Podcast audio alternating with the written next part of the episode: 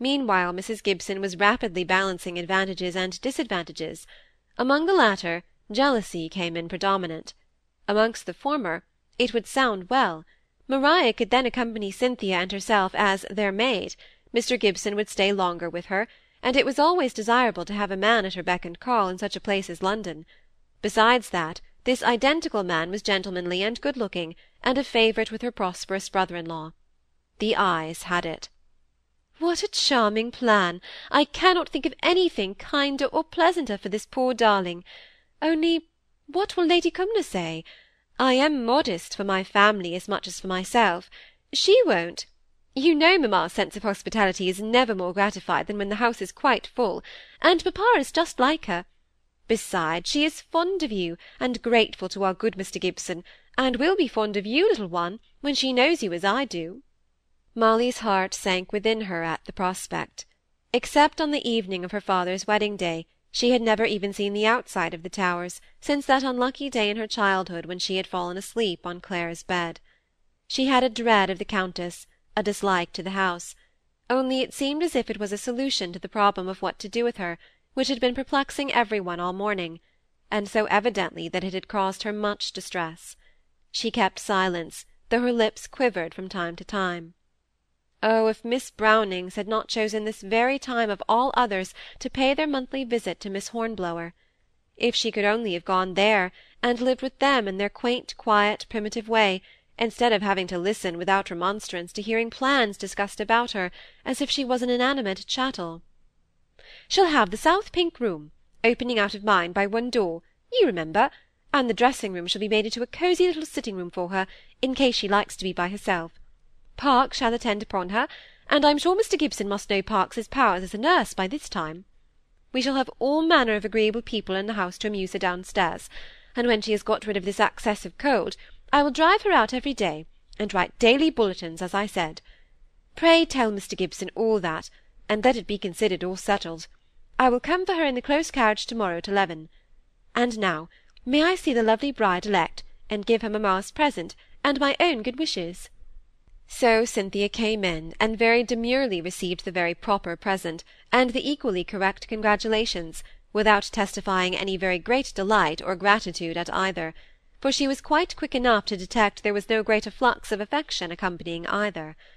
But when she heard her mother quickly recapitulating all the details of the plan for Molly, Cynthia's eyes did sparkle with gladness, and almost to Lady Harriet's surprise, she thanked her as if she had conferred a personal favour upon her, Cynthia. Lady Harriet saw, too, that in a very quiet way she had taken Molly's hand, and was holding it all the time, as if loath to think of their approaching separation. Somehow she and Lady Harriet were brought nearer together by this little action than they ever had been before. If Molly had hoped that her father might have raised some obstacles to the project, she was disappointed. But indeed she was satisfied when she perceived how he seemed to feel that, by placing her under the care of Lady Harriet and Parkes, he should be relieved from anxiety, and how he spoke of this change of air and scene as being the very thing he had been wishing to secure for her country air, and absence of excitement as this would be, for the only other place where he could have secured her these advantages, and at the same time sent her as an invalid, was to Hamley Hall, and he dreaded the associations there with the beginning of her present illness. So Molly was driven off in state the next day, leaving her own home all in confusion with the assemblage of boxes and trunks in the hall, and all the other symptoms of the approaching departure of the family for London and the wedding. All the morning Cynthia had been with her in her own room, attending to the arrangement of Molly's clothes, instructing her what to wear with what, and rejoicing over the pretty smartnesses, which having been prepared for her as bridesmaid, were now to serve as adornments for her visit to the Towers. Both Molly and Cynthia spoke about dress as if it was the very object of their lives, for each dreaded the introduction of more serious subjects, Cynthia more for Molly than for herself. Only when the carriage was announced and Molly was preparing to go downstairs, Cynthia said, "I am not going to thank you, Molly, or to tell you how I love you." "Don't," said Molly. "I can't bear it. Only you know you are to be my first visitor and if you wear brown ribbons to a green gown, I'll turn you out of the house." So they parted. Mr. Gibson was there in the hall to hand Molly in. He had ridden hard, and he was now giving her two or three last injunctions as to her health. think of us on Thursday, said he. I declare I don't know which of her three lovers she mayn't summon at the very last moment to act the part of bridegroom. I'm determined to be surprised at nothing, and will give her away with a good grace to whoever comes. They drove away, and until they were out of sight of the house, Molly had enough to do to keep returning the kisses of the hand wafted to her by her stepmother out of the drawing-room window, while at the same time her eyes were fixed on a white handkerchief fluttering out of the attic from which she herself had watched Roger's departure nearly two years before. What changes time had brought! When Molly arrived at the Towers, she was convoyed into Lady Cumnor's presence by Lady Harriet. It was a mark of respect to the lady of the house, which the latter knew that her mother would expect but she was anxious to get it over, and take Molly up into the room which she had been so busy arranging for her. Lady Cumnor was, however, very kind, if not positively gracious. "You are Lady Harriet's visitor, my dear," said she, "and I hope she will take good care of you. If not, come and complain of her to me." It was as near an approach to a joke as Lady Cumnor ever perpetrated, and from it Lady Harriet knew that her mother was pleased by Molly's manners and appearance. Now, here you are in your own kingdom, and into this room I shan't venture to come without express permission. Here is the last new quarterly, and the last new novel, and the last new essays. Now, my dear, you needn't come down again to-day unless you like it. Parkes shall bring you everything and anything you want. You must get strong as fast as you can, for all sorts of great and famous people are coming to-morrow and the next day, and I think you'll like to see them. Suppose for to-day you only come down to lunch, and if you like it, in the evening. Dinner is such a wearily long meal, if one isn't strong, and you wouldn't miss much, for there's only my cousin Charles in the house now, and he is the personification of sensible silence. Molly was only too glad to allow Lady Harriet to decide everything for her. It had begun to rain, and was altogether a gloomy day for August, and there was a small fire of scented wood burning cheerfully in the sitting-room appropriated to her. High up, it commanded a wide and pleasant view over the park, and from it could be seen the spire of Hollingford church, which gave Molly a pleasant idea of neighbourhood to home. She was left alone, lying on the sofa, books near her, wood crackling and blazing, wafts of wind bringing the beating rain against the window, and so enhancing the sense of indoor comfort by the outdoor contrast. Parkes was unpacking for her. Lady Harriet had introduced Parkes to Molly by saying, now, Molly, this is Mrs. Parkes, the only person I am ever afraid of. She scolds me if I dirty myself with my paints, just as if I was a little child, and she makes me go to bed when I want to sit up. Parkes was smiling grimly all the time. So, to get rid of her tyranny, I give her you as a victim.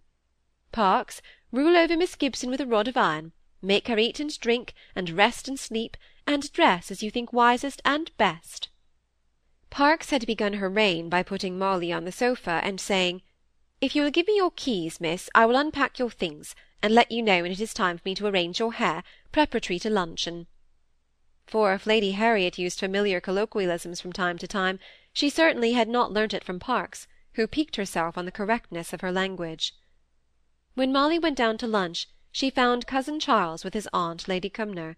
He was a certain Sir Charles Morton, the son of Lady Cumnor's only sister, a plain, sandy-haired man of thirty-five or so, immensely rich, very sensible, awkward, and reserved. He had had a chronic attachment of many years' standing to his cousin Lady Harriet, who did not care for him in the least, although it was the marriage very earnestly desired for her by her mother. Lady Harriet was, however, on friendly terms with him, ordered him about, and told him what to do and what to leave undone, without having even a doubt as to the willingness of his obedience she had given him his cue about Molly. Now, Charles, the girl wants to be interested and amused without having to take any trouble for herself. She is too delicate to be very active either in mind or body. Just look after her when the house gets full, and place her where she can hear and see everything and everybody, without any fuss and responsibility. So Sir Charles began this day at luncheon by taking Molly under his quiet protection. He did not say much to her, but what he did say was thoroughly friendly and sympathetic and Molly began, as he and Lady Harriet intended that she should, to have a kind of pleasant reliance upon him.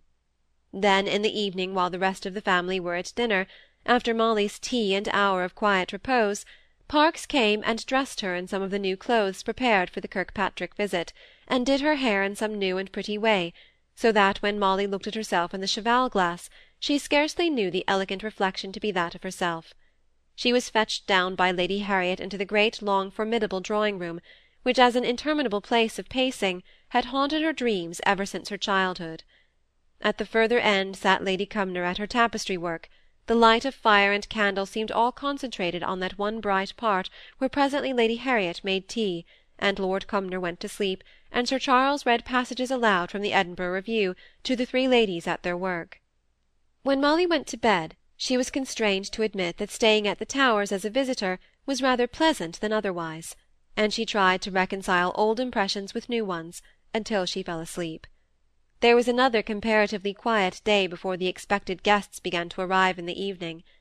Lady Harriet took Molly a drive in her little pony carriage, and for the first time for many weeks Molly began to feel the delightful spring of returning health, the dance of youthful spirits in the fresh air cleared by the previous day's rain.